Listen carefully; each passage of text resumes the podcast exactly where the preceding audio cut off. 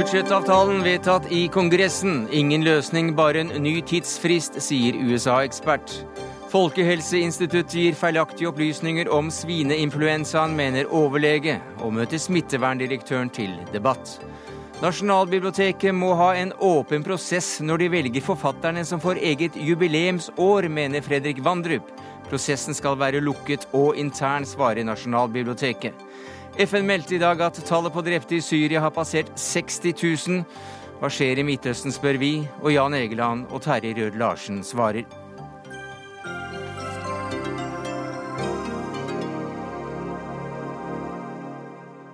Ja, Det er noen av sakene i denne første Dagsnytt 18-sendingen i 2013, der vi også rister av oss restene av nyttårsfeiringen og tar livet av noen saftige myter om sex og dop og rock'n'roll i antikkens fester i Hellas og Roma.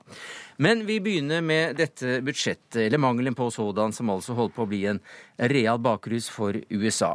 Men tidlig i morges, norsk tid, ble det klart at også Representantenes hus stemte for en avtale som stoppet farten ut mot det mye omtalte budsjettstupet. Thanks to the votes of Democrats and Republicans in Congress, I will sign a law that raises taxes on the wealthiest 2% of Americans while preventing a middle class tax hike that could have sent the economy back into recession and obviously had a severe impact on families all across America. En fornøyd eh, amerikansk president, og det ble altså da oppnådd en viss enighet. Katrin eh, Godding Boye, hvilke reaksjoner har du som seniorøkonom i Nordea Markets eh, fanget opp på at det ble en slags avtale?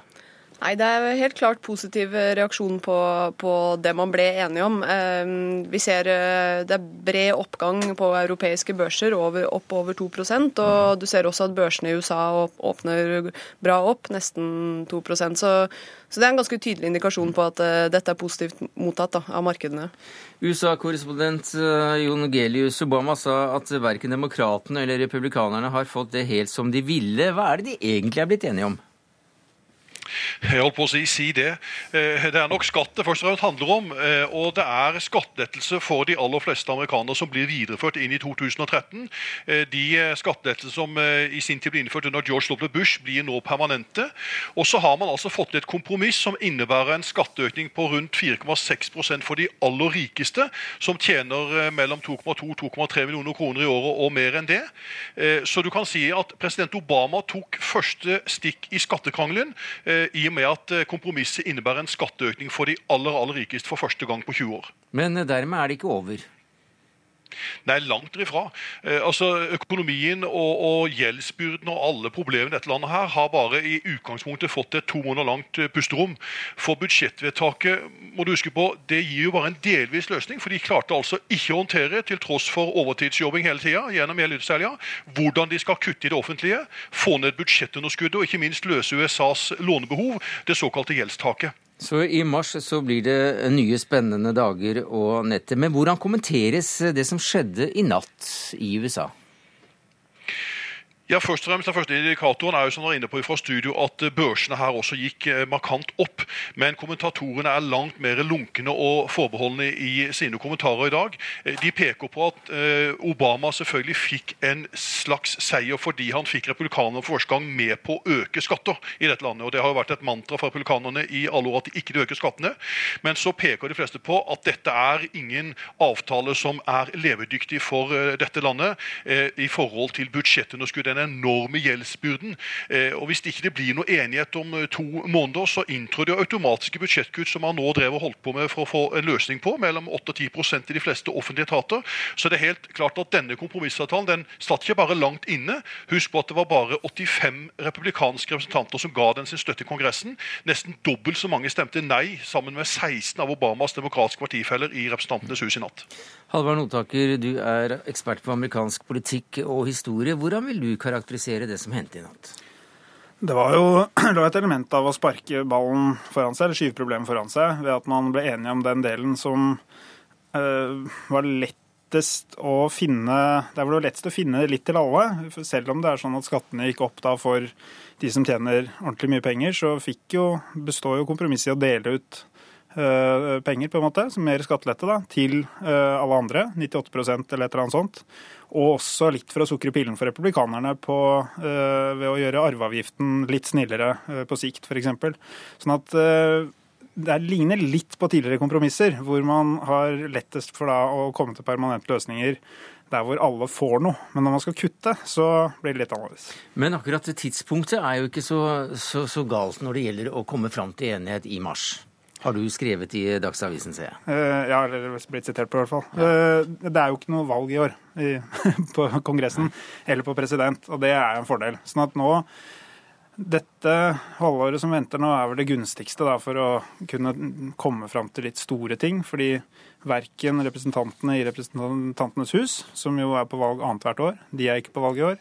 Presidenten er ikke på valg, og det er ikke engang spesielt mange store guvernørvalg. Så mm. i år kan man ta litt mer sjanser enn ellers, men det det er nok det eneste lyspunktet.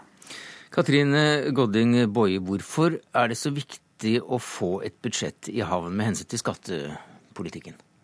Nei, Det er jo det er flere sider av den saken. Ene er jo det langsiktige problemet, eller den ubalansen man har i amerikanske statsbudsjetter, hvor, eh, skal, hvor, det er et misforhold mellom skatteinntektene og, og utgiftssiden. sånn at det er veldig viktig å få, få enighet om eh, en eller annen form for, for økte skatter. Nå, nå, har det blitt snakket mye om dette med Bush-skattelettene, som nå blir videreført. og det Eh, det, jo, det, er på en måte uheldig for den mer langsiktige utviklingen, men det var veldig viktig for den fordi at det, det er jo, Hvis man hadde på en måte avsluttet de skattelettene, så ville man jo økt inntektssiden til, til det offentlige og, og hatt en bedre utsikter på, på lang sikt for budsjettbalansen. Men uh, dette var jo veldig, hvis man hadde på, latt disse utløpe nå på kort sikt, så hadde det vært veldig negativt igjen for, uh, for den økonomiske utviklingen. Fordi det hadde blitt en altfor brå innstramming i, i, finanspolitikken. Men det man faktisk også ble enige om her, var jo at man ikke skulle forlenge disse midlertidige uh, lettelsene på inntektsskatten som ble gitt i, i kjølvannet av finanskrisen fra 2009. Som, som, som også var en post som, som, hjelper litt på den langsiktige utfordringen, som, men da virker noe negativt på den økonomiske utviklingen utviklingen på kort sikt. sånn at eh, jeg mener det ble vedtatt noe, noe, positivt her, eh, men samtidig ikke nok eh, når man ser på lengre sikt. Da. Men om to måneder skal det også skje noe nytt. Det er, et, det er et nytt stup. Hvordan ser det stupet ut i forhold til det, det de kunne opplevd akkurat denne dagen? Nei, Det er jo det som er, eh, det man sier nå er på en måte fiscal cliff, eller eh, det stupet er historie. fordi det stupet man kunne fått nå, er på en måte, var veldig mye større enn det eventuelle stupet man får, eh, får 1.3, hvis man ikke klarer å Altså Hvis disse automatiske utgiftskuttene inntrer 1.3, sånn som de har bare da blitt enige om å utsette ja, Hva ville skjedd da? Nei, da ville du fått Da får du en innstrammende offentlig budsjettpolitikk som, som kunne trukket ned amerikansk eh, vekst i økonomien med om lag 1 prosentpoeng. Sånn og to-tre millioner arbeids, flere arbeidsledige, eller det, det er enorme tall? Ja, ikke flere arbeidsledige nødvendigvis, men, eh, men, det ville jo på en måte bremset den, den litt skjøre oppgangen du har i, har i, amerikansk økonomi nå. Men hva sier dette om det amerikanske politiske beslutningssystemet, det, det vi er vitne til? Det er jo, det er jo sørgelig sånn i i, eh, når man ser på det helt konkret her og nå, at, at, man ikke greier å komme fram til permanente løsninger på store problemer, men hele tiden skyver det foran seg. Samtidig så er det jo litt sånn at dette systemet er konstruert for at man ikke skal kunne foreta brå bevegelser. Eh, presidenten og den lovgivende makten, Kongressen, skal balansere hverandre, sånn at ikke, ikke for mye makt samler seg hos en av dem. Grunnen til at de gjorde sånn den gangen for over 200 år siden, var jo selvfølgelig fordi de hadde dårlig erfaring med en britisk konge som mm. samlet en del makt hos seg. da. Men, så, eh, men, så, men så, den de, maktdelingen de den har jo Norge lært en del av når det gjelder Grunnloven 1814 Ja, Vi har noe som heter parlamentarisme, ikke sant? så vi ja. slutta jo med det som de driver med. Kan, de kan ikke kaste regjeringen, det kan vi. Og Da kan man risikere at man bare blir stående og stange mot hverandre helt til man da f.eks. går utfor et stup. Eller som da vil skje i mars, eh, så er det jo disse eh, kuttene som vi nå har snakket om. Men det er også dette gjeldstaket, som er en litt sånn øh, finurlig sak som Kongressen, altså Kongressen må godkjenne at USA låner penger over et visst nivå. Mm -hmm. Og Det har lenge vært en formalitet, men så bruker man da det politisk. Det er det som da snakkes om dette gjeldstaket. Det kommer til å komme omtrent samtidig. som Rent formelt er det utløpt, men skal man trikse og ordne så det varer litt lenger før man når den grensa. teoretisk sett kan USA da stå uten evne til å betale regningene sine. Da, jeg er jo ikke økonom, men har vi økonomer som kan si noe hva for ja. det å si for dollaren. ikke sant? Hva vil jeg si? Det, det syns mange er skummelt, hvis de er gærne nok til å nekte å betale gjelda.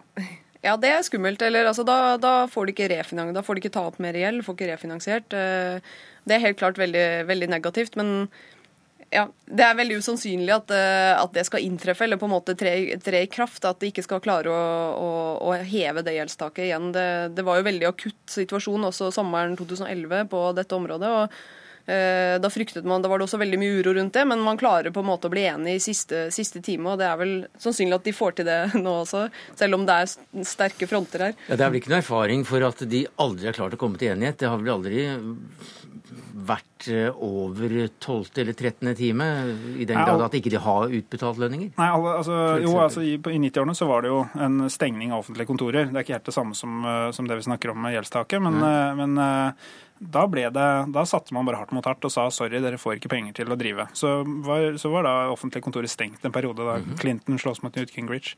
Uh, men det, det ble ikke ansett som noen suksess i ettertid, så det er jo sånne ting man er redd for.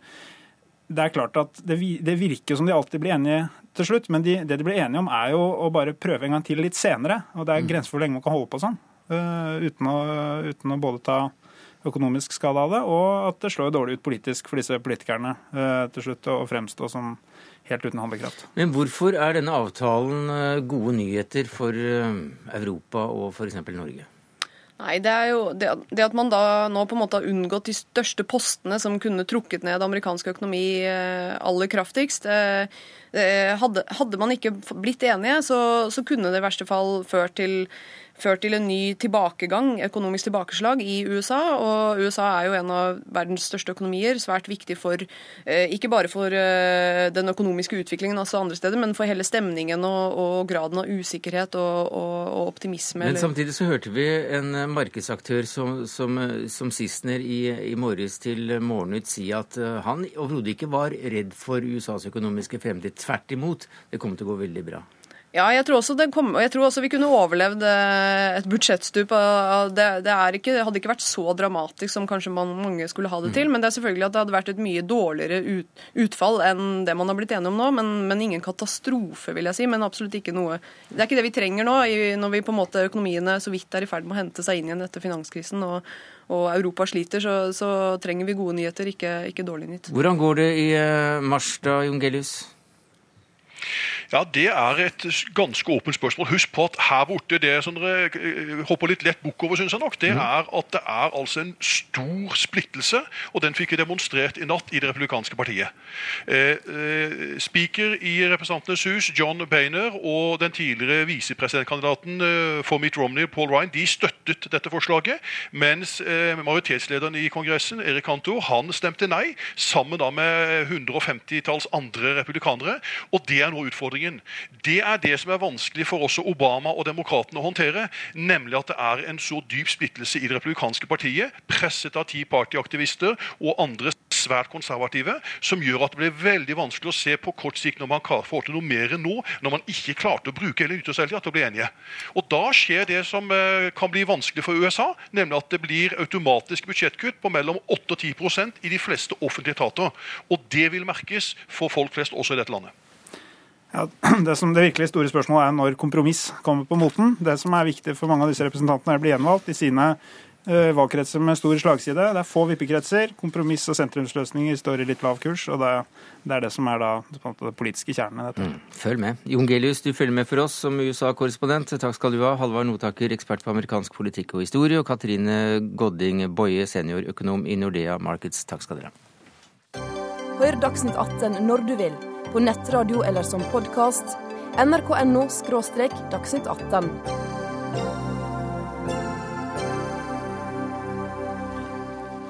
Ja, En eh, ny runde med svineinfluensa er altså over oss. Akershus universitetssykehus har registrert 181 tilfeller. Folkehelseinstituttet anbefaler eldre, gravide og mange med kroniske sykdommer å vaksinere seg.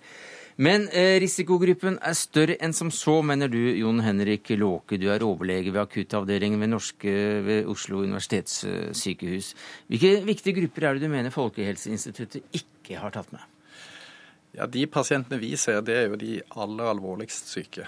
Det er altså de som må på en intensivavdeling, og som er dødssyke, for å si det enkelt. Og blant de så er ca. en tredjedel utenfor disse risikogruppene som Folkehelseinstituttet har definert. Dvs. Si de er fra før av helt friske. Og de er også mye yngre enn det folk flest har inntrykk av. For eh, når en ser eh, vaksineråd og annen omtale av svineinfluensa og hvem som er i risikogruppen, så får en lett inntrykk av at dette handler om eh, gamle mennesker med kroniske lidelser. Mens de vi ser, de, det er unge voksne fra 40 år og nedover. Ja, hvilke konsekvenser mener du at den erkjennelsen burde få for informasjonen? Ja, Et av rådene fra Folkehelseinstituttet det er jo at eh, de som selv ønsker det, de bør la seg vaksinere. Og Hvis man skal ha noe ønske om å la seg vaksinere eller ikke, så må jo det være basert på at man har fullstendig informasjon og det har man. Ikke. Nei, hvis, eh, hvis, eh, fokuset blir så sterkt på disse risikogruppene, så tåkelegger man det faktum at selv om du er ung og frisk fra før, så kan du bli dødssyk av influensa. Tåkelegger Hanne Nøkleby, du er divisjonsdirektør ved Divisjon for smittevern ved Folkehelseinstituttet. Hva sier du til det? Jeg syns tåkelegger er et sterkt ord, men eh, vi tar med oss eller opplysningene om at vår informasjon ikke er god nok, og det skal vi selvfølgelig se på og gjøre noe med. Men det jeg syns er viktig å få frem, er erfaringen fra dette influensaviruset herjet i 2009, hvor eh, det ganske riktig var yngre mennesker som ble alvorlig syke. Men de aller fleste av dem, av ca. to tredjedeler, 70 hadde en eller annen risikofaktor som gjorde at de var mer utsatt enn andre. Og det vi særlig har vært opptatt av, er jo da å nå frem til de som har slike risikofaktorer. Utfordringen der er at en si 30-åring med astma eller en godt regulert diabetes eller et eller annet sånt, oppfatter seg ikke som kronisk syk. Sånn at når vi sier at alle med diabetes bør ta dette, så vi, kommer vi ikke gjennom med det budskapet. Mm. Men det er en veldig viktig gruppe å nå frem til for oss.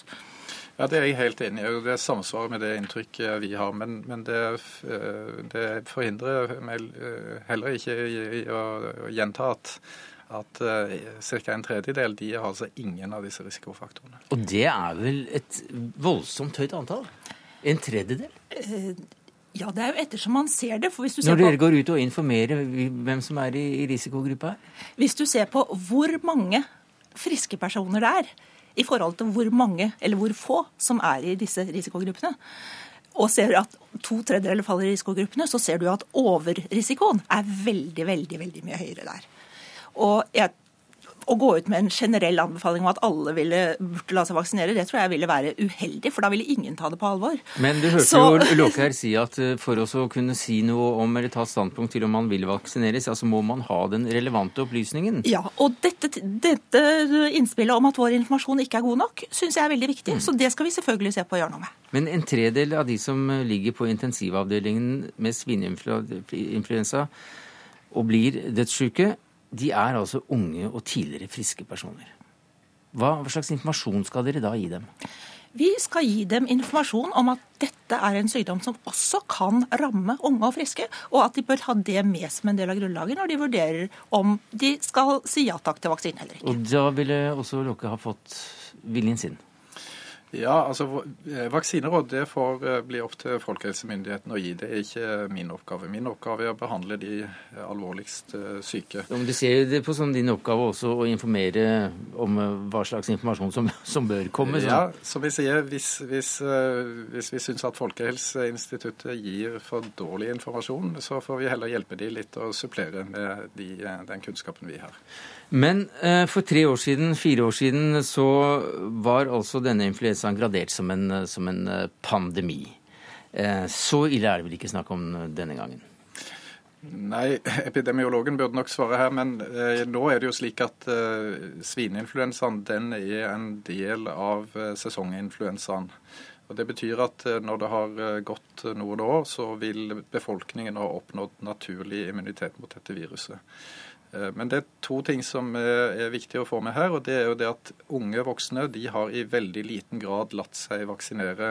Eh, de lot seg ikke vaksinere i 2009, og de har heller ikke latt seg vaksinere etterpå. Sånn at akkurat den gruppen har eh, nok lite naturlig eller ervervet immunitet mm. fra vaksine. Og desto større grunn til å informere nettopp om at dette er også en risikogruppe. Mm. Ja, ja, Grunnen til at det ikke kalles en pandemi nå, er jo at vi har et helt annet immunitetsnivå i befolkningen. Det er ikke sånn som det var i 2009, at alle kunne bli syke av dette her. Så det er jo en rene definisjonsmessig forskjellen. Eh, når det er sagt, så har du helt rett i at eh, ungdom mellom sånn 15 16-17 og en del oppover var de som i minst grad lot seg vaksinere. En hel del av dem har immunitet fordi at en hel del av dem faktisk var syke. Eh, så også I den aldersgruppen er situasjonen helt annerledes enn den var i 2009. Men vi har en dårlig beskyttet gruppe der, sammenlignet med f.eks. Mm. de yngre, som ble vaksinert i mye større grad. Men rådene fra en overlege ved akuttavdelingen ved Oslo universitetssykehus som Jon Henrik Låke, den tar du også med deg? Ja, absolutt. Det er klart at alt vi kan gjøre for å få vår informasjon bedre, det tar vi med oss. Med glede. Takk, takk skal du ha, Låke, og takk til Hanne Nøkleby, divisjonsdirektør ved Divisjon for smittevern ved Folkehelseinstituttet.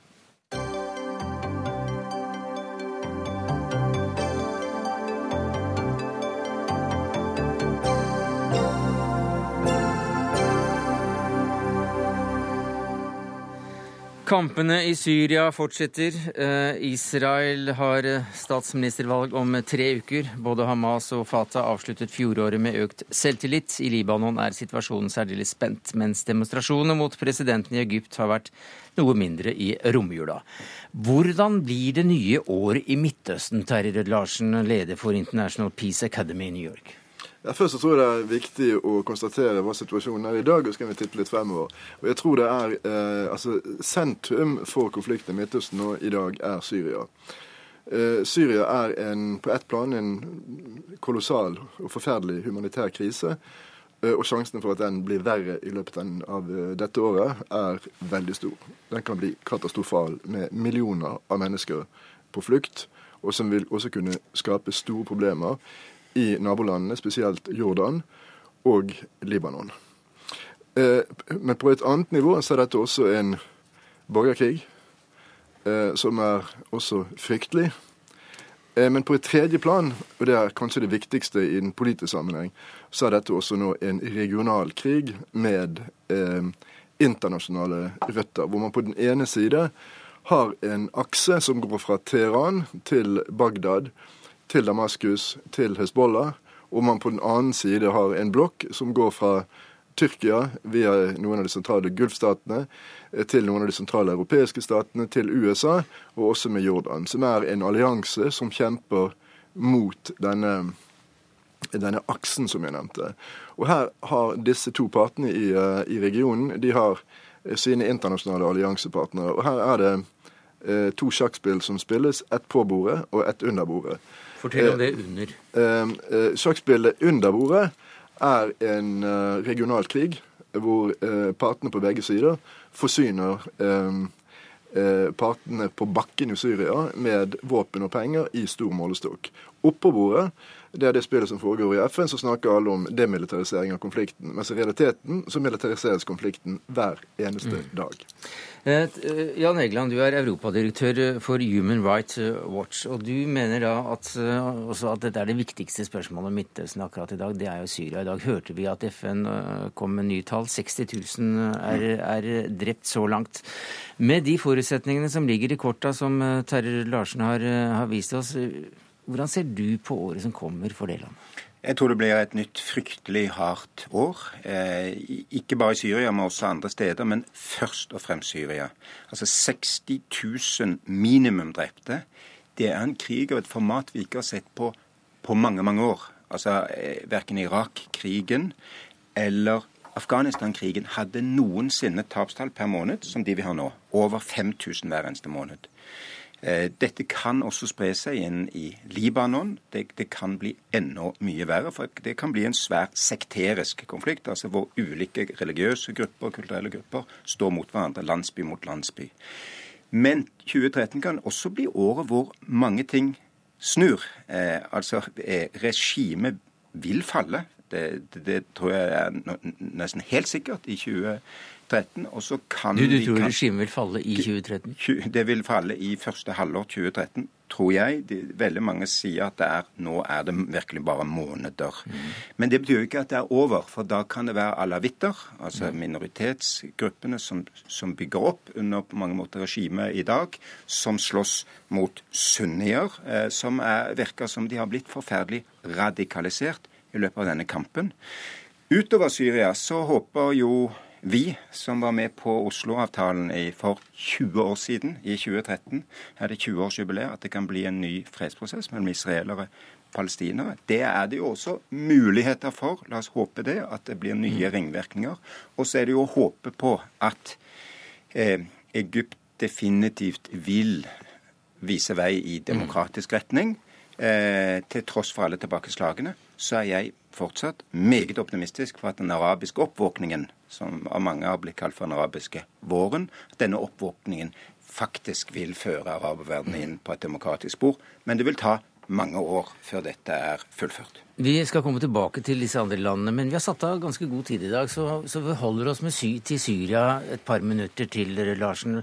Eh, vi hørte her at Egeland mente at, eh, at presidentens dager der er talte, og det står bare om måneder. Hva sier du til det? Ja, jeg deler den, den oppfatningen, eh, men jeg legger da veldig stor trykk på ordet eh, 'sannsynlig'. Fordi Det som jeg tror preger situasjonen i Syria og i hele regionen i dag, det er usikkerhet. Eh, for å si det spisst, at det eneste sikre er at alt er usikkert at det eneste forutsigbare er at alt er uforutsigbart. Og Det gjelder ikke bare situasjonen i, i Syria, det gjelder situasjonen i Egypt, det gjelder situasjonen i Tunisia, det gjelder eh, situasjonen i Jemen, i Libya osv. Og, og eh, det er også mulig at, at andre land i regionen i løpet av eh, dette året vil få tilsvarende problemer som de landene jeg nettopp uh, listet, kanskje i andre varianter. Hvilke da? Eh, ja, Det er flere av landene som er uh, sårbare, som har blandet uh, shia-sunni-befolkninger. Bahrain, Kuwait, situasjonen i Jordan er utrygg også. Noen land har klart seg svært bra, som f.eks. Marokko som er det kongedømmet som har håndtert eh, dette sannsynligvis på den best mulige måte, og som i dag er relativt stabilt. Eh, men selv der eh, er det dype problemer. Så hele regionen er helt enig med Jan her at vi vil se en for å formulere det med mine ord, vi vil, vi vil, ha en rotete og kaotisk og uoversiktlig og uforutsigbar situasjon i denne regionen i mange, mange år fremover sannsynligvis i tiår fremover. Men dere var altså da svært, svært sentrale i Oslo-prosessen, eh, som eh, markeres eh, et slags jubileum for i Det blir vel august i år. Da er dere for øvrig hjertelig velkommen tilbake for å snakke om den prosessen, men det er ikke tema her i dag. Men det var også spennende tider i 2012 for både Hamas og Fatah, som gikk ut av året eh, med styrket eh, selvtillit, eh, Egeland. Hva tror du om, om de tos evne, disse gruppenes evne til å nærme seg hverandre? Det er igjen, jeg er enig med Terje Larsen i at det eneste sikre i Midtøsten er at alt er i spill hele tiden. Men det er klart, et scenario er at eh, palestinerne, som jo knapt har vært så splittet noensinne som de er nå, eh, finner mer sammen. Og så håper jeg jo at denne meget nasjonalistiske høyreorienterte israelske regjeringen vil møte et mer enhetlig press fra vestlig side på å strekke ut en hånd for å gjøre en tostatsløsning, som for øvrig har Haaretz, eh, den store og gode israelske avisas tidligere sjefsredaktør, nettopp sa det må et større vestlig press på Israel for at Israel skal mm. gå til reelle forhandlinger. For hvis de ikke gjør det, så dør tanken om en tostatsløsning. Og da blir det en enstatsløsning med arabisk til slutt flertall, som igjen vil være en død for den eh, jødiske israelske stat. Hvilke signaler kan, eh, kan, du se til at eh, et økt vestlig press faktisk er på gang, Larsen? Nei, For det første så tror jeg det er vanskelig å si noe om hva som vil skje med uh, den palestinsk-israelske prosess uh, her vi sitter i dag. Fordi vi må først se hvordan uh, president Obama vil håndtere eh, sin situasjon eh, etter at han blir eh, sworn in, som det heter på godt norsk, for sin andre periode. Og det vet vi veldig lite om foreløpig. Er det ikke kommet noen signaler som du har fanget opp? Det er vanskelig å vite hvordan han vil prioritere de ulike Midtøsten-arenaene før vi faktisk ser hva han sier og gjør. Men det som er enda viktigere, er at vi nå i, i denne måneden har valg i Israel. Og sammensetningen i det israelske parlamentet, hvem som blir statsråder osv., spesielt i de sentrale postene utenriks og forsvar, kommer også til å bli avgjørende for hvordan en israelsk regjering vil håndtere disse spørsmålene.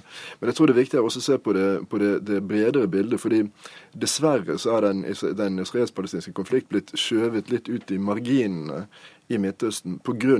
at denne Syria-konflikten, spesielt eh, som en arena for, en, for si, regionale krigshandlinger, det store spillet i regionen, og ikke minst eh, spørsmålet om hva Israel og USA vil gjøre med, eh, tilknyttet eh, spørsmålet om iranske kjernevåpen. Alt dette er nå pakket sammen i, en, i et stort, nytt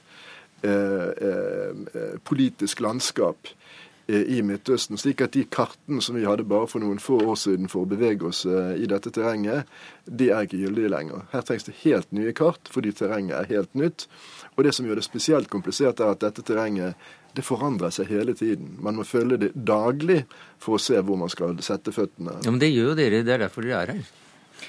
Ja, og, og det blir jo ikke lettere. Altså det, det, er på mange måter vanskeligere å lage fred i dag mellom Israel og Palestina vil jeg si, enn det var for 20 år siden, da de møttes i Oslo. Bl.a. pga. at altså kartene er annerledes. Bosetningen er nå byer. Det, så det er veldig vanskelig å flytte liksom eh, Notodden og Skien og Porsgrunn og så, og så droppe den ned i, i Sverige, f.eks. Og, og det, det er slike bosetninger man nå har bygd opp, delvis, er i ferd med å bygge opp på, eh, på palestinsk jord. Eh, bosetningspolitikken er eh, en katastrofe for Israel. Så, så, hvis det hele snur, og man begynner å få, få en forståelse av at begge lederskapene og begge sider har, etter mitt skjønn sviktet sine folk, altså de har undergravet sikkerheten til egne folk, ja, da kan med amerikansk ledelse og press vi kanskje få en avtale. Men det, det er klart det sikreste budet eh, ville være å si 2013 blir et nytt roteår, og man kommer ikke fram til noen løsning da heller. Og så blir det enda vanskeligere i 2014. Ja, og Det som kommer i tillegg til det som Jan sier, som jeg er enig i, det er eh, at den palestinsk-israelske konflikten er nå vevet inn i alle disse brede konflikt, konfliktmønstrene i regionen. Slik at det er veldig vanskelig å løse eller å finne fram til en, en, fredsavtale mellom palestinere og israelere uten at man også løser i mange av de andre konfliktene som man ser i de omkringliggende land. Og Det gjør at eh, dette er en skikkelig eh, oppoverbakke i eh, 2013. Men kan ikke akkurat eh, Israel-Palestina-konflikten tjene på at eh, det er andre konflikter som får mer oppmerksomhet, slik at det kan bli litt mer ro, ro rundt det, og folk kan finne fram til hverandre uten absolutte totale søkelyset? Hvis man, eh, hvis man ser på, eh, på, israelsk side, så er det slik at Israel er nå omgitt av eh, land som er i eh, enten full turbulens, eller hvor det er eh, turbulens som er i, er i, ferd med å innta styrke. Det gjelder Jordan, det gjelder Libanon, det gjelder Syria, det gjelder Egypt osv. På ulike måter. Og Det gjør at det er en stor fristelse for det israelske lederskapet bare å sitte og vente og se. Fordi at man oppfatter det som farlig å handle i dette terrenget fordi det er så omskiftelig. Altså slik at, at denne turbulensen i, om, i omgivelsene veldig lett fører til en uh, politisk eh, eh, konservatisme i den forstand at man ikke handler, og dermed så fryser man fast den situasjonen som er. Eh, og da skjer det som Jan nettopp snakket om. Man får settlement som, som, som ekspanderer. Men hvis man ser det også med palestinske øyne, så er det slik at for den palestinske ledelse i dag, som er på konkursens rand, det palestinske selvstyremyndighet, så er de nå ekstremt avhengige av pengeoverføringer fra de rike arabiske landene. Og Det gjør at det er et avhengighetsforhold her som gjør at eh, det er veldig vanskelig, slik man gjorde i Oslo, for palestinerne selv uten å informere andre å treffe en beslutning. Mm. Det må konsulteres rund baut for å kunne gjøre det. Slik at beslutningsprosessene er så fryktelig mye mer kompliserte enn det de var, eh, enn det de var tidligere, pga. at hele regionen skjelver. Men kan, kanskje altså, kan den da den arabiske våren, arabiske oppvåkningen, bli et dynamisk element som vil dels overbevise Israel om at denne holdningen med at det, liksom, ingen handling er, er, god handling Ingen handling er jo faktisk handling i seg selv, og at man går nærmere og nærmere eh, permanent eh, strid, som er i ingens interesse. Eh, Egypt kan komme til å være en Eh, mer dynamisk fødselshjelper for en israelsk-palestinsk avtale enn det gamle Egypt var. Ja, for du har, du har kalt landet en, en bjelleku? Eh, Egypt er jo bjellegua på arabisk verden. Altså, Araberlandene ser til Egypt, ser til byenes by Kairo for, eh, for, inspirasjon, for religiøs, for politisk ledelse. Og Morsi ønsker å gi denne ledelsen. Nå har dessverre det muslimske brorskapet vist antidemokratiske elementer og er mot eh, kvinner og er, er mot en masse ting som er en del av et demokrati. Men det er et skritt framover, utvilsomt, etter mitt skjønn, i forhold til det som var. Og det vil forhåpentligvis også være et skritt framover med at en Morsi kunne jobbe med USA. Morsi presser eh, Hamas. USA presser Israel. Eh, Vestbredden, Fatah. Forhåpentligvis kan det ha presset, som Terje sier, av Gulflandene. Alle ser på Iran som en felles framtidig fiende. Og så har vi da det gode scenarioet. Onde scenarioet, at man fortsetter som nå, eh, flere og flere hatefulle generasjoner vokser opp, er kanskje enda mer sannsynlig. Mm. Men la oss håpe på det gode scenarioet. Uh, ja, jeg deler det, jeg deler det håpet, uh, men jeg vet ikke om jeg i dag vil karakterisere meg som optimist. Uh, fordi det er så fryktelig mange oppoverbakker her. Men det er et par glimt som også jeg ser. Et av disse lysglimtene på én måte, selv om det er et paradoks, er at vis-à-vis -vis Iran-spørsmålet, som er det viktigste både for Israel og for Gulfstatene, altså frykten for Iran som en kjernemakt som utøver hegemoni og dominans i regionen, den er like sterk i Israel som i Gulfstatene.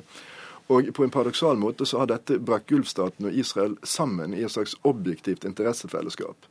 Eh, fordi det er dette som står på toppen til deres agenda både i Gulfen og i Israel. Og alle de andre spørsmålene vi har snakket om, ses i lyset av Iran-spørsmålet. Eh, så her er det muligheter for, eh, eh, selv om det er komplisert, for, for, for, nye, for nye, allianser. Egypt ses på av de, av de, andre arabiske land med tvetydighet. Som en av de sentrale arabiske ledere sa til meg for en stund siden, jeg ble nå bedt om å gi milliarder av dollar i støtte til Egypts regjering. Men men min frykt er at jeg da finansierer et land som vil være min fiende om fem år. Og Det tror jeg et nøtteskall uttrykker den ambivalens som også andre ledende land i den arabiske verden ser på, eh, på Egypt med.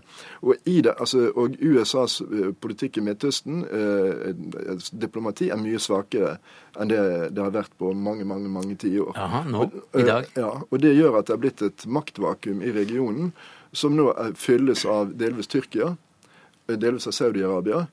Ehm, og Eh, det er også at eh, eh, Egypts utenrikspolitikk og diplomati er såpass svekket, gjør at disse to landene spesielt, sammen med Iran og Israel, er de, noen av de sterkeste aktørene i regionen. Og Det er en del av dette nye politiske landskapet som vi ser. Men hvilke positive signaler eller trekk eller utviklingstegn kan man, kan man se ut ifra den, den tyrkiske involveringen i området? Ja, Tyrkia er jo en, en svær aktør. Må ikke ikke undervurderes. Og, og nettopp det at eh, vi, vi, har ikke en Bill Clinton lenger, som var jo en, en kraft, en naturkraft i eh, Midtøsten-diplomatiet. Så har eh, i økende grad regionale makter tatt viktige roller.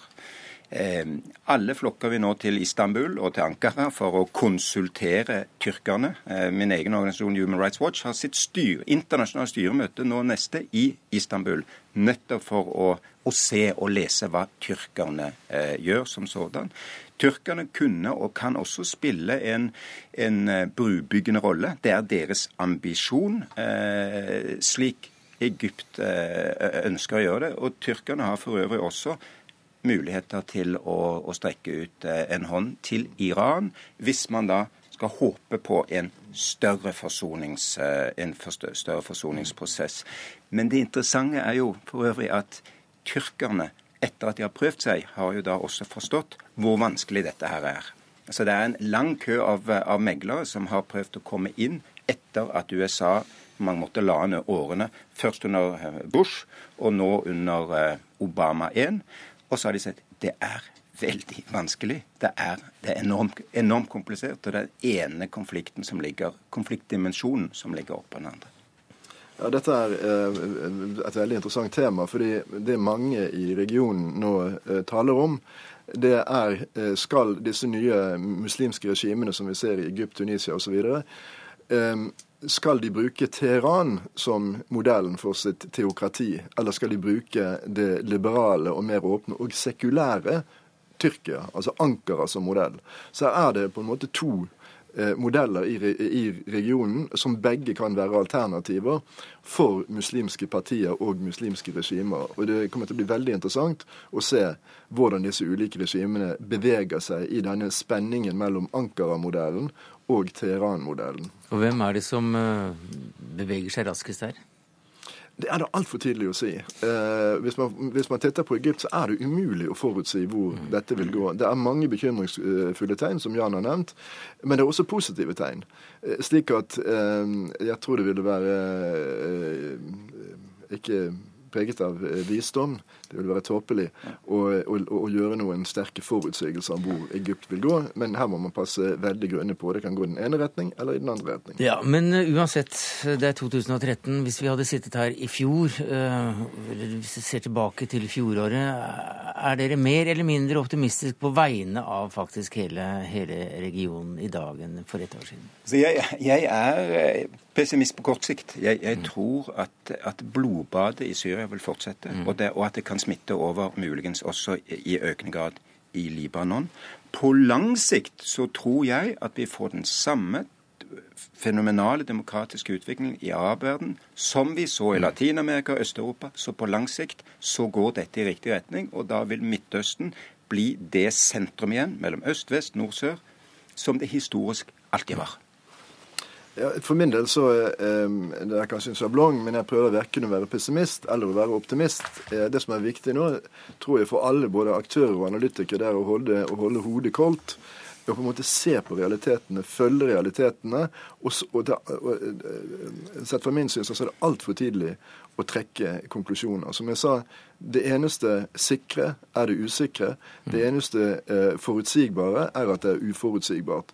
Så, men, jeg, men, jeg, men, på den lange sikt så er jeg helt enig med eh, Jan Egeland. Eh, fordi uh, jeg tror altså de kreftene som beveger seg mot demokrati, ytringsfrihet, sekulære regimer, liberale regimer i denne spesielle betydning som man bruker det i, i, i regionen, de er veldig sterke. Mm. Og jeg tror de vil vinne på lang sikt. Men om det tar år eller tiår, det er umulig å si.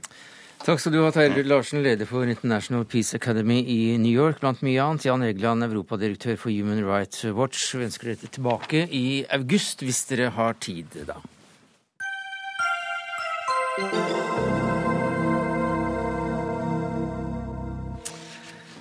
Sanseløst, sanselige seremonier, sex og drugs og rock og roll, det er vel det vi forbinder med de gode, gamle greske og romerske festene i antikken, Jon Ideng? Ja, det er jo en del stein, men så mye rock i den moderne forstand er det jo ikke. Men ja, det er, det er, sant. Det er mange myter om antikkens mm. fester. Eh, og noen av dem kan vi kanskje få avlive allerede nå. Ja, for du er førsteamanuensis ved Høgskolen i Telemark og har doktorgraden på den slags. Og sammen med professor Brandt i Oslo så står du som redaktør for denne boka her, 'Greek and Roman Festivals', gitt ut på Oxford University Press. Men her er det altså helt andre sider ved festene som dere har fått professorer fra bl.a. Oxford, Tromsø, Uppsala, Paris og Aten til, til, å skrive om.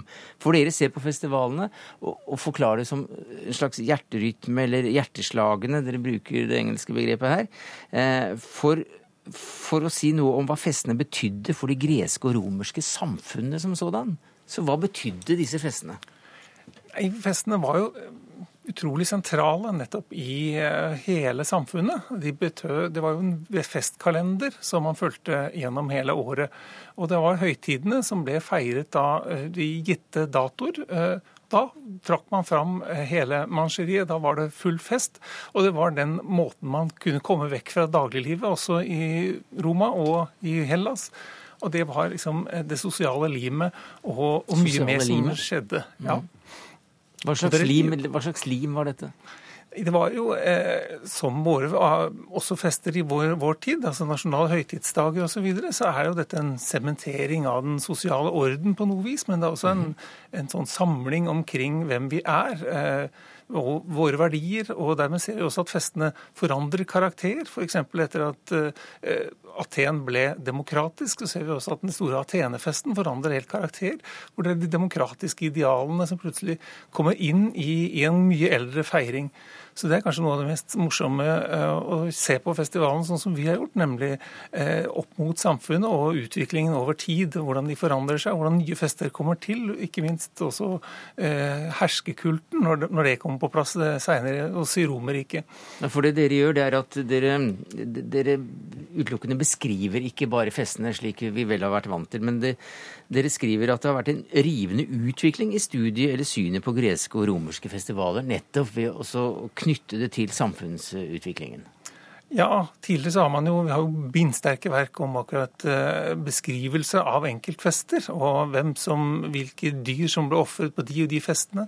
Eh, at vi gikk med en hest og, og den festen, og en geit der, og, og sånn sirlige beskrivelser ut fra kildene. Så det vet vi sånn noenlunde godt eh, for mange fester. Mange fester vi ikke vet noen ting om. Det kommer stadig nye kildematerial til i form av utgravninger og sånn, som gjør at vi bedre får forståelse også for, for noen ting. men det vi har vært opptatt av, har vært å se på liksom, hvordan virker dette inn på de, de, de samfunnene, de greske og romerske samfunnene. og hvordan, hvordan, er festen med på å forandre samfunnet, og hvordan er den med på å bevare samfunnet. Og Svarene er ulikt fra de ulike festene og de ulike samfunnene til ulik tid. Ja, sånn må det dessverre. Men eh, hvorfor har dette noe relevans for oss i dag, da? Altså, det, er jo en, det, er en, det er en tung og ganske tjukk bok skrevet av sprengleide mennesker. Ja, jeg tenker jo at uh, historie og fortiden er jo vår, vår, felles hukommelse. Og da er vi jo helt uh, avhengig av også å kunne gå tilbake til barndommen, som nettopp er, er gresk uh, Hellas og, og, Roma i forhold til det europeiske. Det er klart det er greit å bli minnet om, nå som vi hele tiden snakker om at det europeiske er jo den felles kristne arven, at ja, men rett før det eh, så altså er det en hedensk arv. Mm. Altså, det, er, det er fester, og det er en festkultur en kalender som rett nok det kristne har tatt over. De, mange av høytidene er, er, finner man igjen, f.eks. julefeiringen er jo, finner man igjen i den romerske saturnale-feiringen. Så man har liksom overtatt en festkalender, og mange av helgendyrkelsene rundt omkring i, i den katolske kirke har jo paralleller til det politetiske eh, bildet, religiøse mm. bildet i antikken. Men, men Idinga likevel, altså dette her har jo pirret folk i hvert fall 2000 og det som skjedde under de greske og romerske festivalene. Mm. var dokumenterte eksesser ja. som, eh, som får Rio til å framstå som en studiesirkel for frimerkesamlingen og, og, de som samler på konvolutter rundt omkring i forhold. Eh, hvor var det du fant de, de, de mest utagerende festivalene? De, de, festene vi beskriver her, er jo ikke de privatfestene som vi har disse lekre historiene om, som du nå refererer til, sånn Trimalchios middag og keiserbiografiene, hvor det hvor liksom har beskrivelse av orgier og fest og sånne ting. Så, ja, Det skjedde vel ting under Dionysus? Dionysosfesten er kanskje det eneste stedet hvor det faktisk var litt, eh, litt eh, spesielt. Ja, eh, For vinguden Dionysos han representerte nettopp en beruselsen, begeistringen, men også da det negative med rusen, Så under hans fester så kunne det pågå ganske tøft. Og da var det liksom rykter om ganske frivol oppførsel og, og mye attåt. Og, og, særlig bakantinnene, disse gale kvinnene som, som, feiret Dionysos, var jo ekstra skumle. Og det går tilbake liksom langt i mytisk tid til hvordan eh, Dionysos kom tilbake til Teben, som var hans fødeby, og der eh, faktisk eh, får Pentev, som er kongen, imot seg, og der, dermed sørger for å få både hans mor og hustru og alt sammen til å bli bakkantiner. Og, de, og, de... og, da ble de gale og rev han i filler, og siden måtte de liksom følge etter Dionysos. Så dette med rus og vinguden, det, det er det noe ekstra sånn spesielt over. Romerne var jo veldig redd for dette her, så de, de forbød bakkanalene, de i 160 64 før vår tidsregning. Okay. Men eh, det er da altså en bok om greske og romerske festivaler. Content, meaning and practice. Og den er da skrevet, som jeg nevnte, av professorer både, både her og der. Oxford, Uppsala, Tromsø, og deg også som eh, førsteamanuensis ved Høgskolen i Telemark. Eh, hva sier akkurat et slikt prosjekt hva sier det noe om når det gjelder organiseringen av vitenskap og professorater, og, og, hva som skal til for å drive forskninga? Jeg syns det sier i hvert fall at uh, innenfor humanistiske fag og små miljøer der, så er det fint mulig å et, drive fremragende forskning, uh, også internasjonalt. Uh, men man trenger ikke å være veldig mange ansatt på samme sted og drive store forskningsprosjekter sånn à la realfagene, som er helt avhengig av det.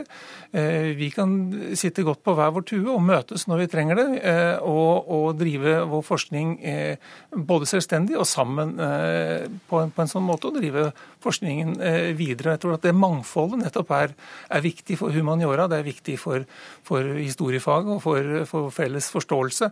At ikke alle driver med akkurat det samme og blir bare sterke og gode på ett et felt. Egen debatt i Dagsnytt 18, muligens en annen gang. Jon Idding, førsteamanuensis eh, ved Høgskolen i Telemark, takk skal du ha, som en av redaktørene av Greek and Roman Festivals.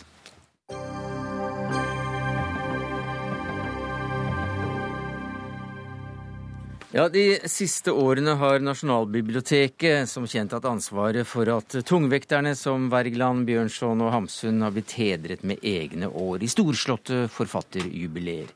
Men hvilke forfattere som er verdige til å få et helt jubelår, ja, det avgjøres i en intern og en forholdsvis lukket prosess. Og det er du, Fredrik Vandrup, kulturjournalist i Dagbladet, ikke særlig fornøyd med, leser vi din siste kommentar i 2012. Eh, hvorfor ikke det? Jeg syns det virker som om det er en lukkethet rundt, rundt denne prosessen som, som som ikke Altså i forhold til at man skal feire de største definerte oppdraget til Nasjonalbiblioteket er, å, er å hente frem og, trekke, og, og feire mm. eh, nasjonens største helter, eh, fortrinnsvis litterater. Det er veldig vagt, en veldig vag definisjon. Det eh, overlater jo da veldig mye makt til den som blir sittende med denne, denne avgjørelsen. Da.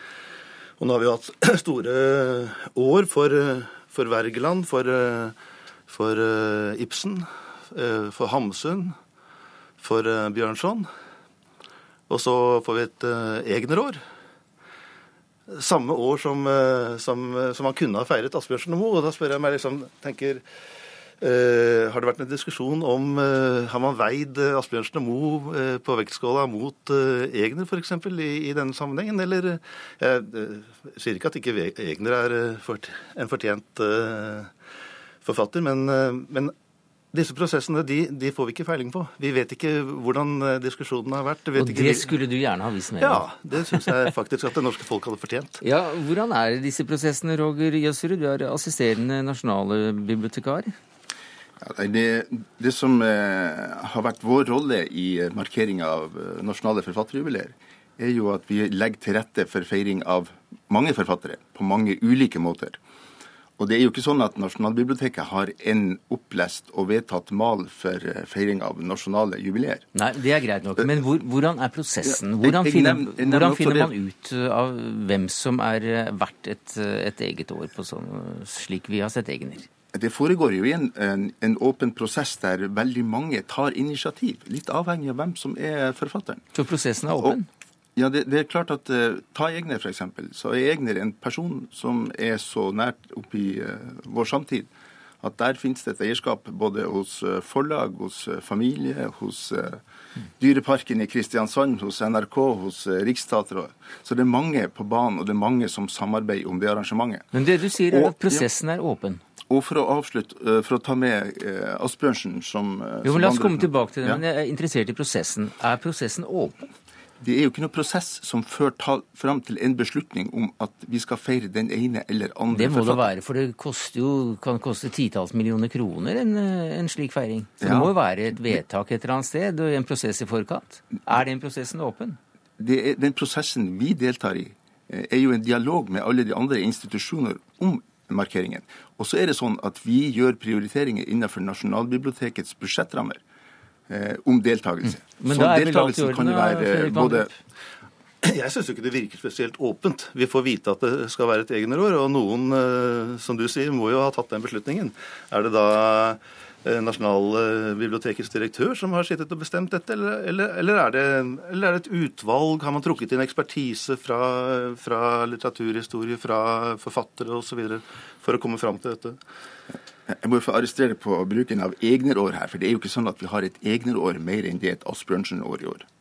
Nasjonal, I fjor. Unnskyld. Eh, Nasjonalbiblioteket har deltatt både i markeringen av Asbjørnsen og i del, eh, markeringen av Egner. Ja, Det var veldig tynt det med Asbjørnsen, da, for det, det var én eh, utstilling med tegninger som har, som har, blitt sendt litt rundt. Nei, det har vært en utstilling med tegninger som er sendt rundt i 200 eksemplarer mm. til norske bibliotek. Det har men vært en utstilling fare, på nettet. Du, du, du, avbryter men vi er, vi er egentlig mest interessert i akkurat prosessen. For det er da slik at dere får innspill fra mange kanter, hører vi. Men hvordan behandles disse av dere, slik at man kommer fram til et vedtak? Det er jo en del av Nasjonalbibliotekets løpende virksomhet å prioritere ressurser. Så det er, en, det er en intern prosess? Riktig. Og Når den, det gjelder prioritering av ressurser Er den åpen? interne prosesser er jo ikke åpne på annen måte enn at som jeg sier, det er en del av vår interne budsjettdiskusjon om hva vi skal bruke av midler på den ene eller andre måte. Men som jeg sier, vi legger til rette for å delta i flest mulig av de her arrangementene ved å bidra med enten utstillinger som er nevnt når det gjelder Asbjørnsen og Egner, eller med digitalisering av innhold og, eh, og utgivelser knytta til de her samme forfatterne. Og Et av de viktigste bidragene vi gjør for å få norske forfattere fram i lyset, som jo er vårt mandat, vi skal ta vare på kulturarven og formidle de i samtida, er jo nettopp de store digitaliseringsprogrammene vi har, som gjør at også originalmaterialet nå bringes fram. Helt sikkert aldeles utmerket, men vi er altså mest opptatt av prosessen akkurat i Dagsnytt 18 denne, denne første sendinga i 2013. Og da må jeg igjen spørre deg på en annen måte da. Er det en egen gruppe i Nasjonalbiblioteket som er satt av til å vurdere de ulike kandidatene som skal feires på ulik måte? Vi har i Nasjonalbiblioteket en arrangements- og jubileumsgruppe som leter fram aktuelle kandidater til mm. den type Og der diskuteres navnene og hvilket omfang navn. feiringen eventuelt kan Nei, omfanget fastlegges ikke der. For omfanget fastlegges da i en dialog med flere. Litt avhengig av uh, hvilke andre initiativ som kommer, og som blir tatt. Er det kulturministeren som sitter med den endelige avgjørelsen om hvem som skal uh, feires? Nei, som jeg sa, så er dette en prosess innenfor rammene av Nasjonalbibliotekets budsjett. Og det, det behandles selvfølgelig i Nasjonalbiblioteket. Internt? Internt. Vandre, sånn, vandre, et sånn- øyeblikk må få vandre inn her. Eh, ja, men altså Det betyr jo at, eh, at dere eh, allerede nå sitter og vurderer årene framover, da, antagelig. F.eks. skal skal man ha et uh, mykleår f.eks. i 2015? Skal man ha et uh, oppstfelderår i 2016? Skal man ha et uh, vinjeår i 2018? Disse tingene vil vi gjerne vite mer om. Og ikke minst uh, når vi kommer til 2020. Da vil dere jo få et dilemma, for da er både Anne-Kat. Vestli, eh, Kjell Aukrust og Jens Bjørneboe 100 eh, år. Dette her eh, hadde vært veldig moro å, å, å, få vite mer om hvordan diskusjonen og avveiningene er. For dette har jo en betydning for hvilke forfattere som, som plasseres i en, i en, slags uoffisiell kanon. Da. Ja, det er en viktig, har... viktig, oppgave, så du har akkurat nå 20 sekunder på å si hvem av disse forfatterne som skal uh, bli den heder til ære. Da må jeg si at jeg har tatt imot innspill også fra Fredrik Vandrup til de jubileene. Så får vi se når den tid kommer. De detaljerte planene på så lang sikt er ikke langt, men allerede til neste år, så, eller det året vi er inne i nå, så vil jo Camilla Collett øh, feira. Og det blir en, en storstilt markering også i 23. januar i år. Men du hører også ropet, rope fra Dagbladets eh, kulturjournalist og kommentator at jammen så bør det bli, være litt åpenhet rundt eh, slike prosesser. Takk skal du ha, Roger Jøsserud, assisterende nasjonalbibliotekar, Fredrik Vandrup, kulturjournalist i Dagbladet. Det var det vi rakk i eh, Dagsnytt 18 denne onsdagen. Ansvarlig for sendinga var Siri Storstein Hytten. Det tekniske ansvaret hadde Erik Sandbråten. Jeg heter Sverre Tom Radøy.